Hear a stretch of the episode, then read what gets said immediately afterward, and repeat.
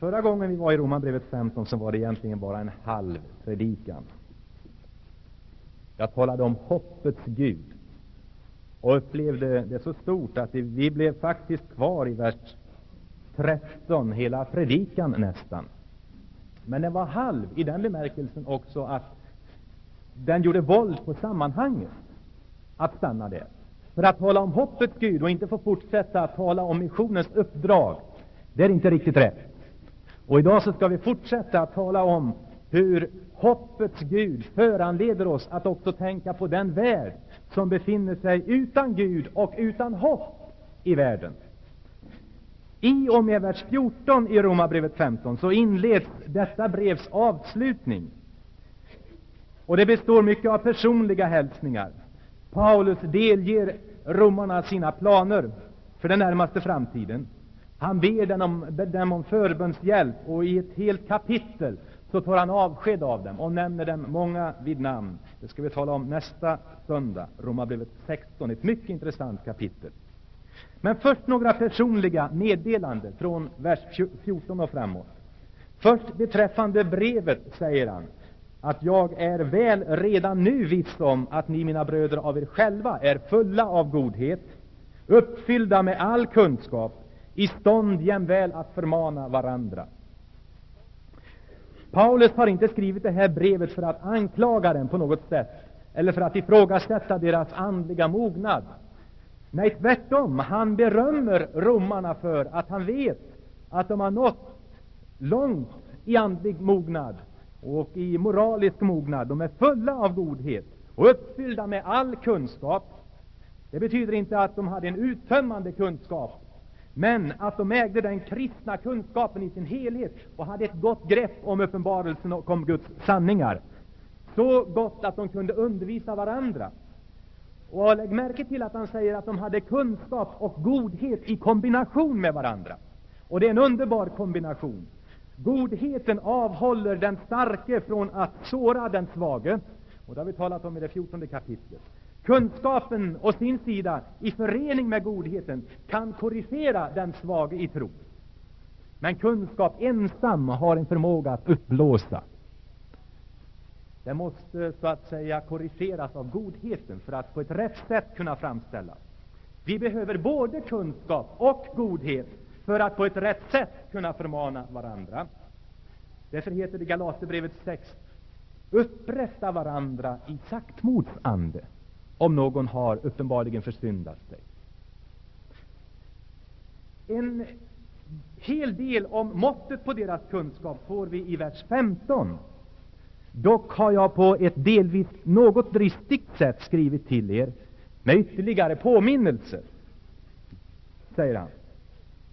Även om han menar sig ha varit något djärv i sitt sätt att skriva till romarna. Kanske han tänker särskilt på det fjortonde kapitlet, där han går till rätta med dem på det här området om, om eh, tvetydiga saker, om man får göra vissa saker eller om man har frihet till det eller inte. Men han hade aldrig besökt Romförsamlingen. Han kände dem inte personligen, så många av dem. Så att han tycker kanske att han har tagit till lite i överkant med sina förmaningsord eftersom de själva inte kände honom personligen alla. Han har varit något djärv, men nu försvarar han denna sin djärvhet utifrån sitt apostlaämbete. Jag har gjort det i kraft av den nåd som har blivit mig given av Gud. Det vill säga att Gud har kallat mig till hedningarnas apostel, och församlingen i Rom var i huvudsak en hedna församling. Men egentligen, säger han, har allt det som jag har sagt er genom detta brev bara rört sig om påminnelser. Paulus har inte skrivit till romarna på grund av vissa tillkortakommanden eller på grund av stora problem som rådde där. Han har bara skrivit för att påminna dem om vad de redan visste. Romarbrevet, mina vänner, som vi nu snart har använt två år för att gå igenom, det var till församlingen i Rom bara en påminnelseskrift.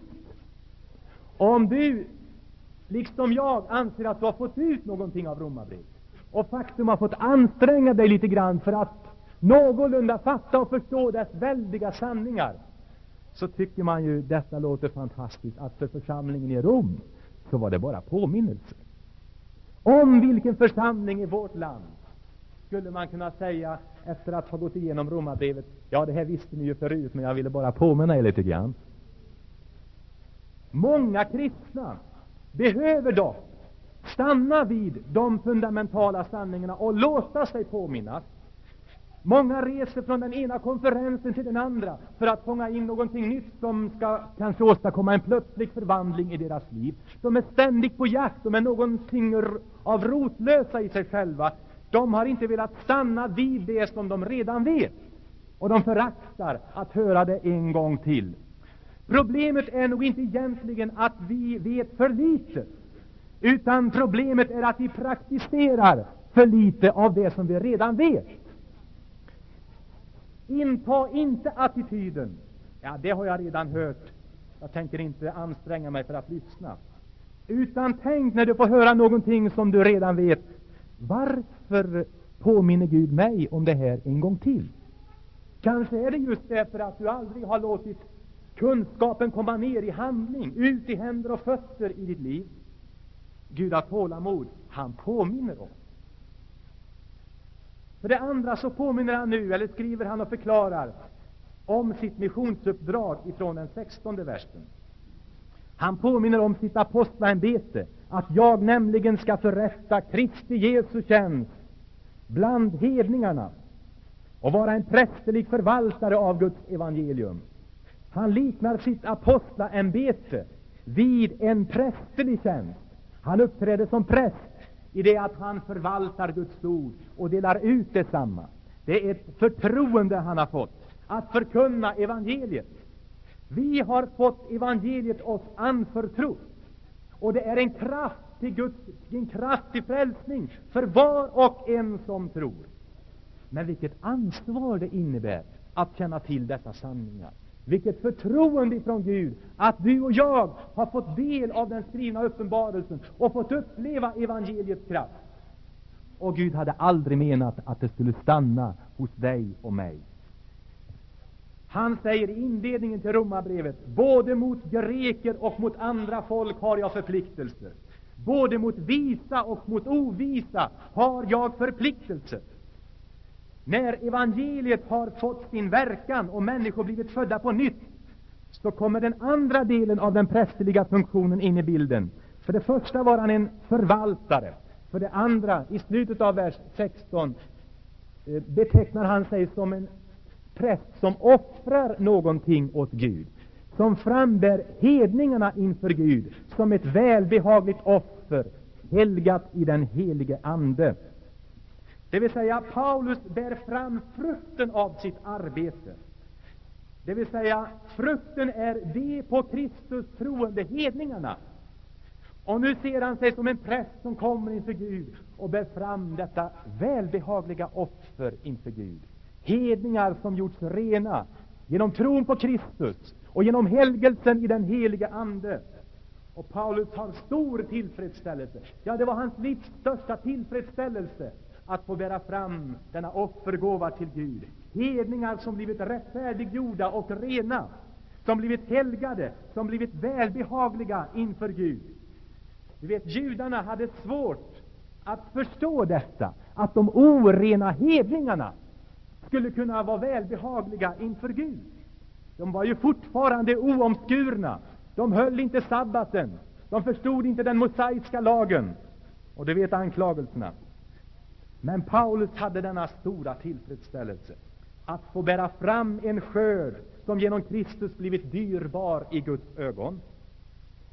Till Filipperna skriver han Ni är min glädje och min krona. Till Thessalonikerna skriver han Ni är mitt hopp. Ja, ni är vårt hopp och vår glädje, vår berömmelses krona vid Jesu Kristi tillkommelse. Tänk att få frambära en sån offergåva inför Gud en dag. Ibland tycker vi kanske att sången är litet banal. Ska det bli några stjärnor i kronan jag får? Jag har avlagt min jordiska skryt. Ska jag finna med fröjd på den himmelska höjd några själar jag vunnit för Gud? Men det ligger någonting i det. Det ligger någonting av en glädjefull förväntan att få frambära frukten av vårt arbete inför Gud, när allt är fullgjort en gång. Och det ligger någonting av himmelsk glädje i den stunden när vi ska se frukten av vårt arbete förverkligad och bärgad. Vi kanske aldrig får se det här nere, men vi kan ju ana lite grann, kanske ändå en gång. En man i en församling i en stad i Amerika fick för sig att han skulle gå ut och samla ihop några pojkar från slumkvarteren omkring kyrkan och börja en söndagsskolklass. Han lyckades få en 10-11 stycken grabbar ifrån kvarteret och tog in dem i kyrkan. Och söndag efter söndag så la han bokstavligen ner sitt liv för dessa pojkar. Älskade dem till Kristus. År efter år jobbade med dessa pojkar. Och idag så är sex av dem spridda ut över världen i heltidstjänst för Herren på mycket viktiga poster. Brodern i församlingen var en enkel arbetare. Idag sitter han fullt tillfredsställd med sitt liv, vetande att det han har lagt ner på dessa pojkar, det multipliceras nu i hundratals, tusentals, tiotusentals människors frälsning utöver en hel värld. Vilken tillfredsställelse! När vi sitter här uppe och njuter av gudstjänsten, av sången och får ta emot Guds ord, så finns det människor i planet under här som avstår från det ganska många söndagar för att få ge någonting av sina liv till en skara barn. Men kanske de är rikare än vad vi är, som aldrig påtar oss det ansvar, som aldrig går in i dessa små uppgifter där det gäller att få så den ädla säden för att också få vara med och glädjas en dag. Det är umbärande, det är lidande, det är kamp. Det går stad gråtande och bära sitt utsäde, men det kommer åter med jubel och bära sina kärvar. Hur är det med dina händer? Är de tomma? Eller finns det någonting av värde av det arbete som du har gjort i Guds rike? Vet du om att det behövs söndagsskollärare förresten? Och juniorledare? En stor uppgift. Om det också bara vore en handfull små barn som du finge jobba med. Men det har oerhörda konsekvenser in i evigheten. Tänk att få frambära en sån offergåva inför Gud en gång. Observera nu hur Paulus i vers 18 begränsar sig till att tala om endast det som Kristus har verkat genom honom. Ingenting annat vill jag tala om, säger han. Det är det enda som är värt att tala om. Och syftet varför Kristus har verkat genom mig, säger han, det är att göra hedningarna lydaktiga eller hörsamma, lydiga evangeliet. Och han har sagt i inledningen av Romarbrevet att hans uppgift är att upprätta trons lydnad. Inte förrän lydnaden manifesterar sig i människorna vet vi om de verkligen har blivit troende. Och lydnaden är lydnaden till trons innehåll. Till det som tron, det som är trons objekt, det teologiska innehållet i tron. Vi kan aldrig veta om en människa är frälst endast på grund av hennes bekännelse. Vi må hoppas att hon är det och tro att hon är det. Men hennes lydnad till Kristus, den bekräftar att hon är det.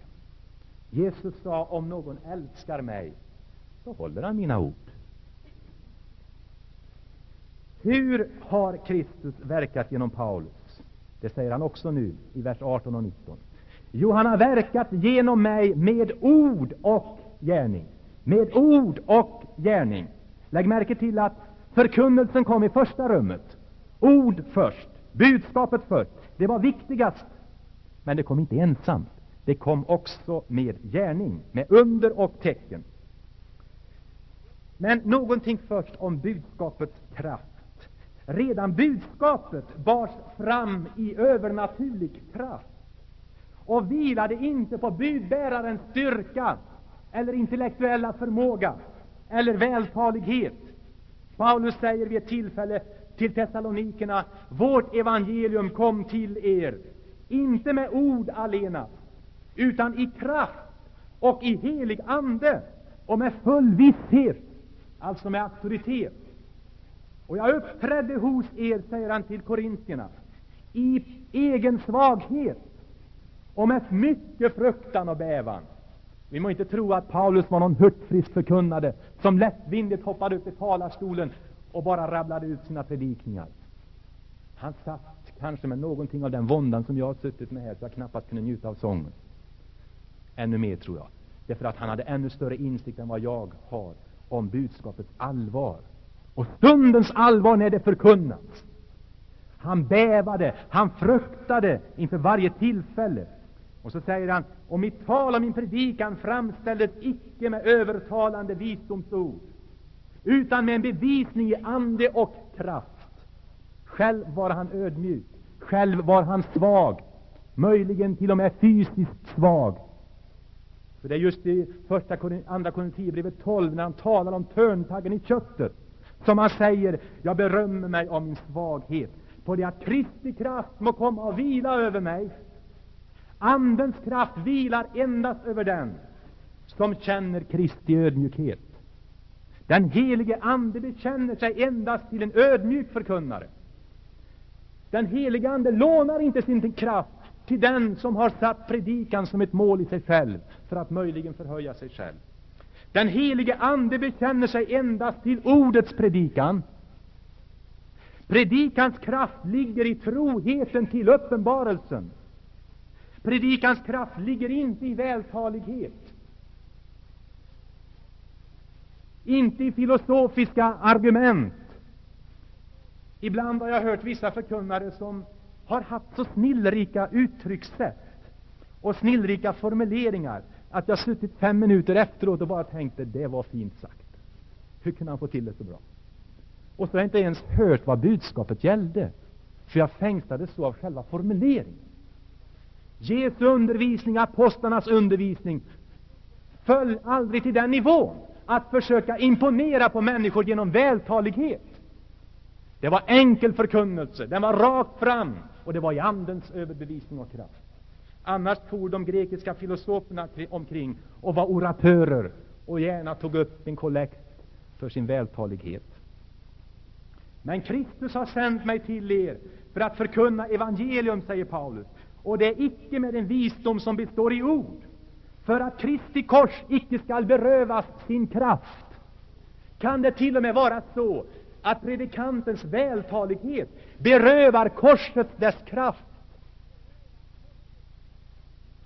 Predikans mål är aldrig att anpassa budskapet efter tidsandan, utan att korrigera tidsandan med Guds sanning. Predikanten får aldrig bli bara en termostat.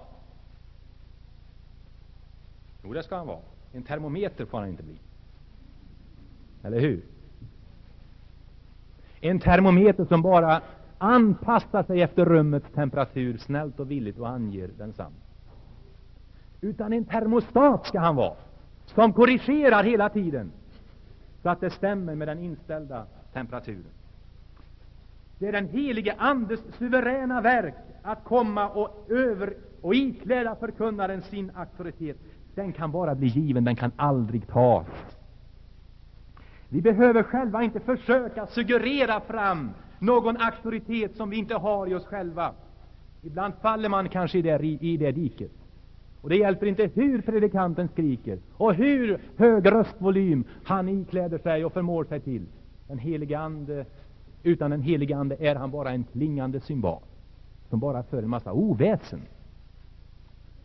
Ingen tar sig den här auktoriteten. Det är den helige Andes suveräna verk. Mina vänner, den är okänd för alla skådespelare. Den är okänd för de politiska agitatörerna i Sveriges riksdag. Sen får de vara, må de vara hur starka de vill i sin argumentation. Men på det plan och i de sammanhangen finns inte den helige Andes auktoritet. Detta är en sällsam upplevelse som den kristne förkunnaren är ganska ensam om att få uppleva. Jag kommer ihåg Kjell Sjöberg, hur han vid ett tillfälle berättade här i församlingen om ett friluftsmöte som de hade på en öppen plats längs en smal men livligt trafikerad gata i en stad i Pakistan.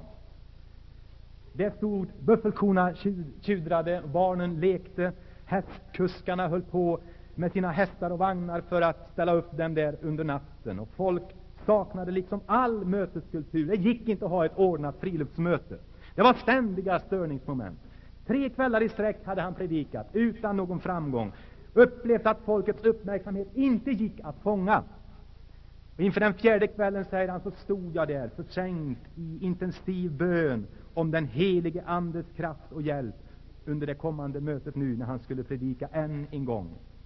Sekunderna innan jag stod upp för att predika så fanns samma okoncentration och samma störningsmoment som de övriga kvällarna. När jag började tala så kom den helige Ande över mig och människorna blev plötsligt tysta och fångade av Andens överbevisning. Den helige Andes tystnad behärskade hela området och alla lyssnade med full koncentration. En kusk som höll på med sina seldom på hästen hejdade sig mitt i sitt arbete utan att fullgöra detsamma och bara stod där och lyssnade till Kjell Sjöberg när han predikade. Och han säger, jag visste att Guds ande hade fångat honom. Och då jag inbjöd människor till frälsning den stunden, så var kusken den första att räcka upp sin hand.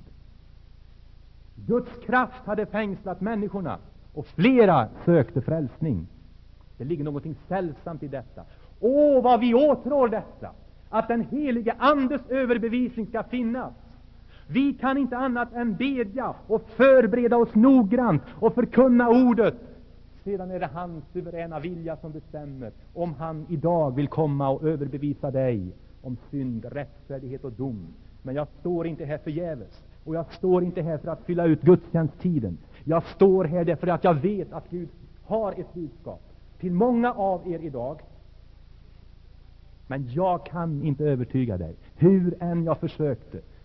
Det krävs den helige Andes överbevisning. Men inte bara förkunnelsen, säger Paulus.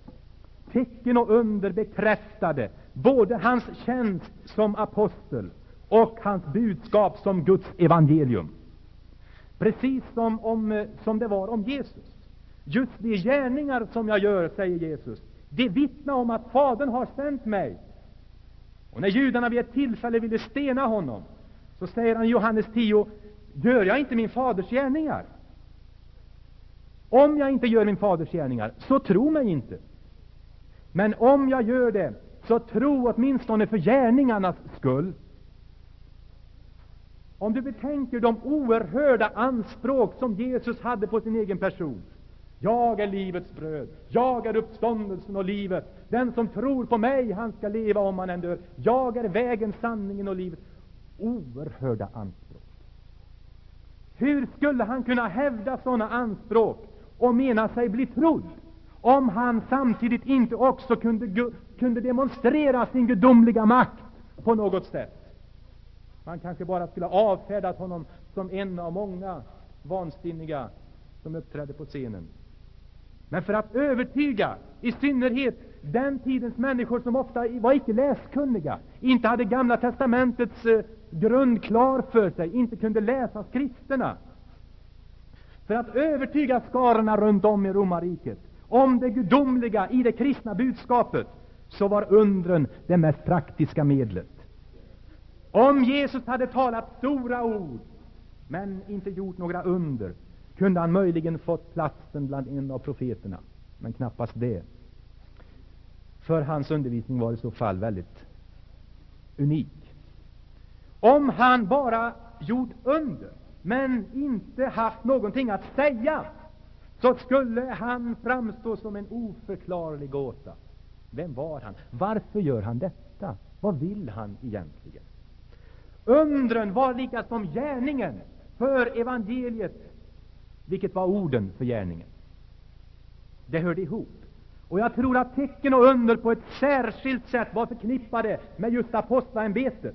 Paulus säger i Andra Korinthierbrevet 12 och 12 de gärningar som är en apostels kännemärken hava och med all uthållighet blivit gjorda bland er av mig genom tecken och under och kraftgärningar.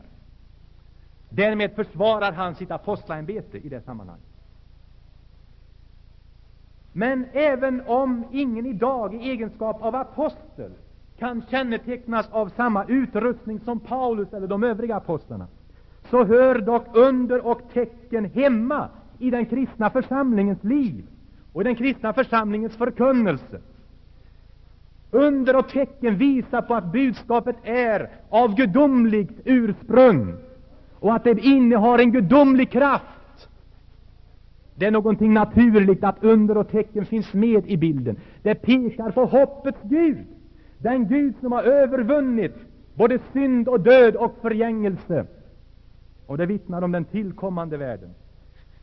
Men nu, en av orsakerna till att apostlarna, och särskilt Paulus i det här sammanhanget, och hans verksamhet åtföljdes av under och tecken, tror jag ligger i vad han nu säger vara sin missionsstrategi.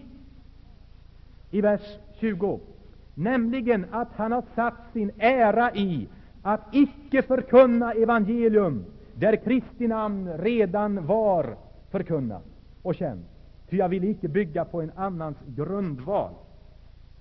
Och så säger han hur han hade varit upptagen med att förkunna evangeliet ända från Jerusalem till Illyrien, som var borta vid det Adriatiska havets västra strand, östra strand, så långt han då, efter 20 års arbete som apostel, hade nått, från öster till väster. Men Paulus hade hela tiden under dessa 20 år haft som målsättning att inte predika Kristus där tidigare andra predikat honom. Nu ligger det i apostlaämbetets funktion och kallelse att hela tiden lägga ny grund på vilka andra skulle bygga. Han beträdde ständigt jungfruterritorium. Därför följde honom också under och tecken i högre grad än när han kommer till dem som redan hade hört. Fanns inte samma behov av under och tecken längre. För om de inte vore lydiga budskapet, trots vad de hade sett och hört tidigare, så skulle inte ytterligare under få dem att hasta till Kristus. Det är en missuppfattning, mina vänner. När Lazarus ligger där i Abrahams sköte, den rike mannen skild från honom, ropar och vädjar att någon skall sändas tillbaka från dödsriket till det levandes land för att varna hans bröder för att inte komma till samma ställe. Så svarar Abraham, ja, men dina bröder har ju Moses och profeterna, skrifternas vittnesbörd. Nej, nej, nej, Bibeln kan ingen tro på. Men om, om någon uppstår från de döda, då, då. Svaret ges av Jesus. Sannerligen säger jag dig, om de icke hör samma Moses och profeterna, så skall de heller icke låta övertyga sig om någon uppstår från de döda. Och det är märkligt, så fungerar den mänskliga, eh, det mänskliga tänkesättet. Hon har alltid förklaringar. De mest märkliga under kan hon förklara bort eller vägra att acceptera och framhärda i sin otro. Finns oviljan emot skrifternas vittnesbörd, så hjälper det inte med det största av alla under. Låt oss därför förkunna ordet och sen är det Guds sak att om han vill och så finner passande och behövligt också låta under och tecken följa om en sådan demonstration behövs just vid det tillfället. Men jag tror vi skulle få se mer under och tecken om vi vore mer engagerade i just pionjärarbete som församling. För dem som redan har både hört och sett, kanske inte så mycket mer kan göras förrän de har gjort det som de har hört. Men kanske om under och tecken fortsatte att ske och de fortsatte att låsa sina hjärtan, det bara skulle öka deras skuld. Mer uppenbarelse, fortsatt nejsägande, större skuld. Paulus var ständigt på väg mot nya områden, områden där mörkrets härar sedan länge hade härskat och regerat, men där nu de himmelska krafterna bevisade sin makt och gjorde intrång på ett segerrikt sätt genom under och tecken. Kanske mer av under och tecken också skulle upplevas i Saronförsamlingens verksamhet om vi vore mer engagerade att nå jungfruområdena, om vi vore mer upptagna av att nå dem som aldrig har hört. Vi sänder missionärer, men de flesta sänder vi till dem som redan har hört, eller till länder som det redan finns ett kristet vittnesbörd i. Och visst finns det arbete kvar att göra. Men jag undrar om balansen ändå är riktig. Var finns i dag visionen om att nå dem som aldrig har hört? Det gäller dock hälften av jordens befolkning, mina vänner, som aldrig har hört ett evangeliskt vittnesbörd. Och den tragiska balansen, eller obalansen, är för handen att 80 procent av alla missionsarbetare är upptagna med 20 procent av jordens befolkning som redan har hört, eller det, i de länder där det redan finns ett kristet vittnesbörd. Ja, ett, en logisk missionsstrategi borde ju vara att rätt kunna svara på frågan om du ser tio män komma och bära på en stor stock och nio av dem bär i ena änden och en i bakänden. Om du skulle vilja rycka in och hjälpa till, vilken ände skulle du hugga i? i? Ja, svaret är givet. Såklart den stackaren som går där ensam och bär på ena änden mot de nio i den andra änden. Det är missionsstrategins logik egentligen. Att se var är behovet störst och rätta sig efter detsamma. Paulus hade hela tiden ögonen. Var har inte Kristus blivit predikad än? Ögonen riktade på sådana områden. Och så gick han dit. Jag undrar om Paulus skulle ha ro att stanna så värst länge i Göteborg. Om han skulle stå upp här i talarstolen en söndag, skulle han naturligtvis glädjas i sin ande över att se oss här, upptagna med lovsång och ordets predikan. Men han skulle med tårar ställa frågan, vilka av er vill imorgon följa mig till länder som aldrig har hört? Han skulle inte ha ro att stanna här. Varför finns denna nöd så lite bland oss? Varför finns denna ro att stanna kvar så mycket bland oss? När jag läser gudstjänstsidans annonser i GP på lördagarna, där kyrkorna riktigt trängs med varandra om utrymmet och där man ibland får en känsla av att vi med reklamens hjälp försöker bjuda över varandra med talare och namn och feta rubriker och fotografier och allt vad det är. Jag nästan skäms i mitt inre. Och jag börjar faktiskt undra om jag är på rätt ställe när jag är kvar i denna stad. Visst behöver Göteborg få höra mer av evangeliet. Och det finns många i vår stad som ännu inte har hört, men faktum kvarstår att evangeliet har en ganska starkt fäste i denna staden. Och jag frågar mig om det är försvarbart inför missionens Herre att så många ungdomar sitter här söndag efter söndag och under veckorna bara utbildar sig för ett livslångt karriäryrke här i Sverige. Vad ska vi svara honom en dag? Gud kommer visserligen att välsigna dig så mycket han kan, vilken livsinriktning du än väljer, det är sant. Men trons lydnad väntar på att upprättas bland många folk och stammar och tungomål. Och det är en fara att vi nu bara försöker konsolidera våra ställningar och vi står vakt om lill, vår lilla ö här i Saronkyrkan och försöker bygga höghus på något sätt. Endast den församling kommer att behålla livet och leva vidare som känner nöd för folken som aldrig hört. Och ett av de främsta berättigande till denna församling här i Göteborg, det är att vi visar att vi vill föra evangeliet vidare. Vi vill ikläda oss missionsuppdraget helt och fullt, allt vad det innebär. Mina vänner, i denna församling finns över 500 människor under 40 år som har större delen av livet framför sig. En armé för Herren. En fantastisk armé. Bara vi skulle kunna vända upp och ner på stora delar av världen om vi trodde missionsuppdragets Herre och vad han har lovat oss att vara med oss. O, att den helige Ande idag finge röra ditt hjärta.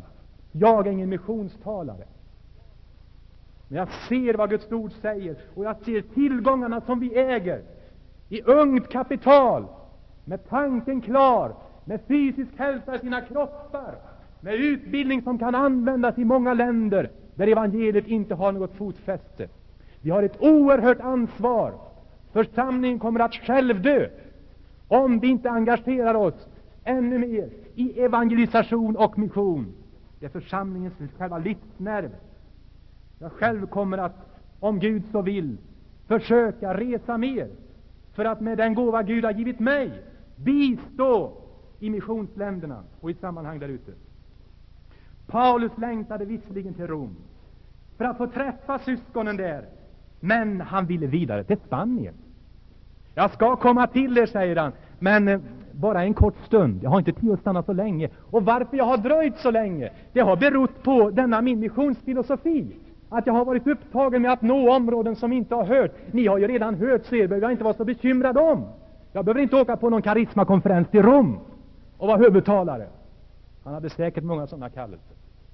Nej, han var upptagen med att nå de stammar och folk och tungomål som ännu inte ens hade hört. Han var inte så angelägen om att stå i centrum i de stora sammanhangen. Ni har ju hört, jag kan ju vara lugn när det gäller er. Och visserligen längtar jag efter er och jag ska komma till er. Jag har längtat efter er i många år, har jag försökt komma. Men jag har inte hunnit på grund av denna min missionsstrategi. Och jag vill besöka er när jag begiver mig till Spanien. På min väg till Spanien så ska jag stanna några veckor och försöka stilla min längtan efter er och bibringa någon välsignelse från Herren. Och så ska ni få tillfälle att utrusta mig för att sända mig till Spanien. För Spanien har än inte hört, och dit ska jag. Det var hans plan under Gud, om Gud så vill, menar han. Men först måste jag till Jerusalem och överlämna en gåva till församlingen där som församlingarna i Akaja och Makedonien har insamlat. Och ni känner till den bakgrunden. De fattiga judekristna i Jerusalem led nöd och nu kommer, nu kommer Paulus med en penninggåva till dem för att bistå dem i deras nödsituation. Och Det var ett sätt, tror jag, att grundmura gemenskapen mellan hedna kristna och judekristna församlingar. De judekristna hade sett med viss misstänksamhet troligen på Paulus verksamhet ibland hedningarna. Men när Paulus nu kommer med en kärleksgåva från hedningarna till judekristna församlingen i Jerusalem, då skulle naturligtvis det sista hindret vara undanröjt och kärleken och gemenskapen bekräftad. Men därefter så ska jag komma till det. Under tiden bed för mig. Och så avslutas det 15, 14, förlåt, 15 kapitlet med att han beder dem i vers 30 att bistå honom i hans kamp. Att bedja för mig till Gud. Aposteln Paulus ber församlingen i Rom om förbönshjälp så att han ska bli frälst undan de ohörsamma, olydiga judarna i Judeen och att gåvan må bli väl mottagen så att de inte föraktar den därför att den kommer från hedna församlingar. Men sen, sen, så är Spanien i huvudet på honom igen. Sen kommer jag till er för att fara vidare till Spanien. Vad tror du Gud vill med ditt liv? Ja, du hoppas naturligtvis att Gud ska ha en plan med ditt liv. Och du vill säkert den planen. Men den måste börja någonstans. Den måste börja här och nu. Och för dig, min vän, som inte ens känner evangeliets budskap och dess innebörd, det vill säga frälsningen. Idag kallar vi dig och du ska få uppleva hur han förvandlar ditt liv och hur han ger dig en målinriktning som du förut inte kände. Till den yngre generationen måste jag säga så här. Jag kan inte för mitt liv försvara tanken på att så många av oss ska förbli kvar i detta trygga lilla Sverige. Det måste vara Guds vilja, mina vänner, eftersom han har givit oss så många människor den sista tiden. Ett sådant kapital att Guds ande ska få gripa oss. Att vi känner att vi har en uppgift bortom Saronkyrkans väggar och till och med utanför Göteborg och Sveriges gränser. Var är du idag? Som nu under denna gudstjänst och denna predikan har känt, jag vill markera att jag vill ta första steget i den riktningen. Herre, du vet allt om mig. Jag är sån och sån, men jag vill bli använd av dig var helst du har för avsikt att sända mig. Om jag ska stanna kvar eller fara vidare. Men vi måste överlåta oss i detta avseende.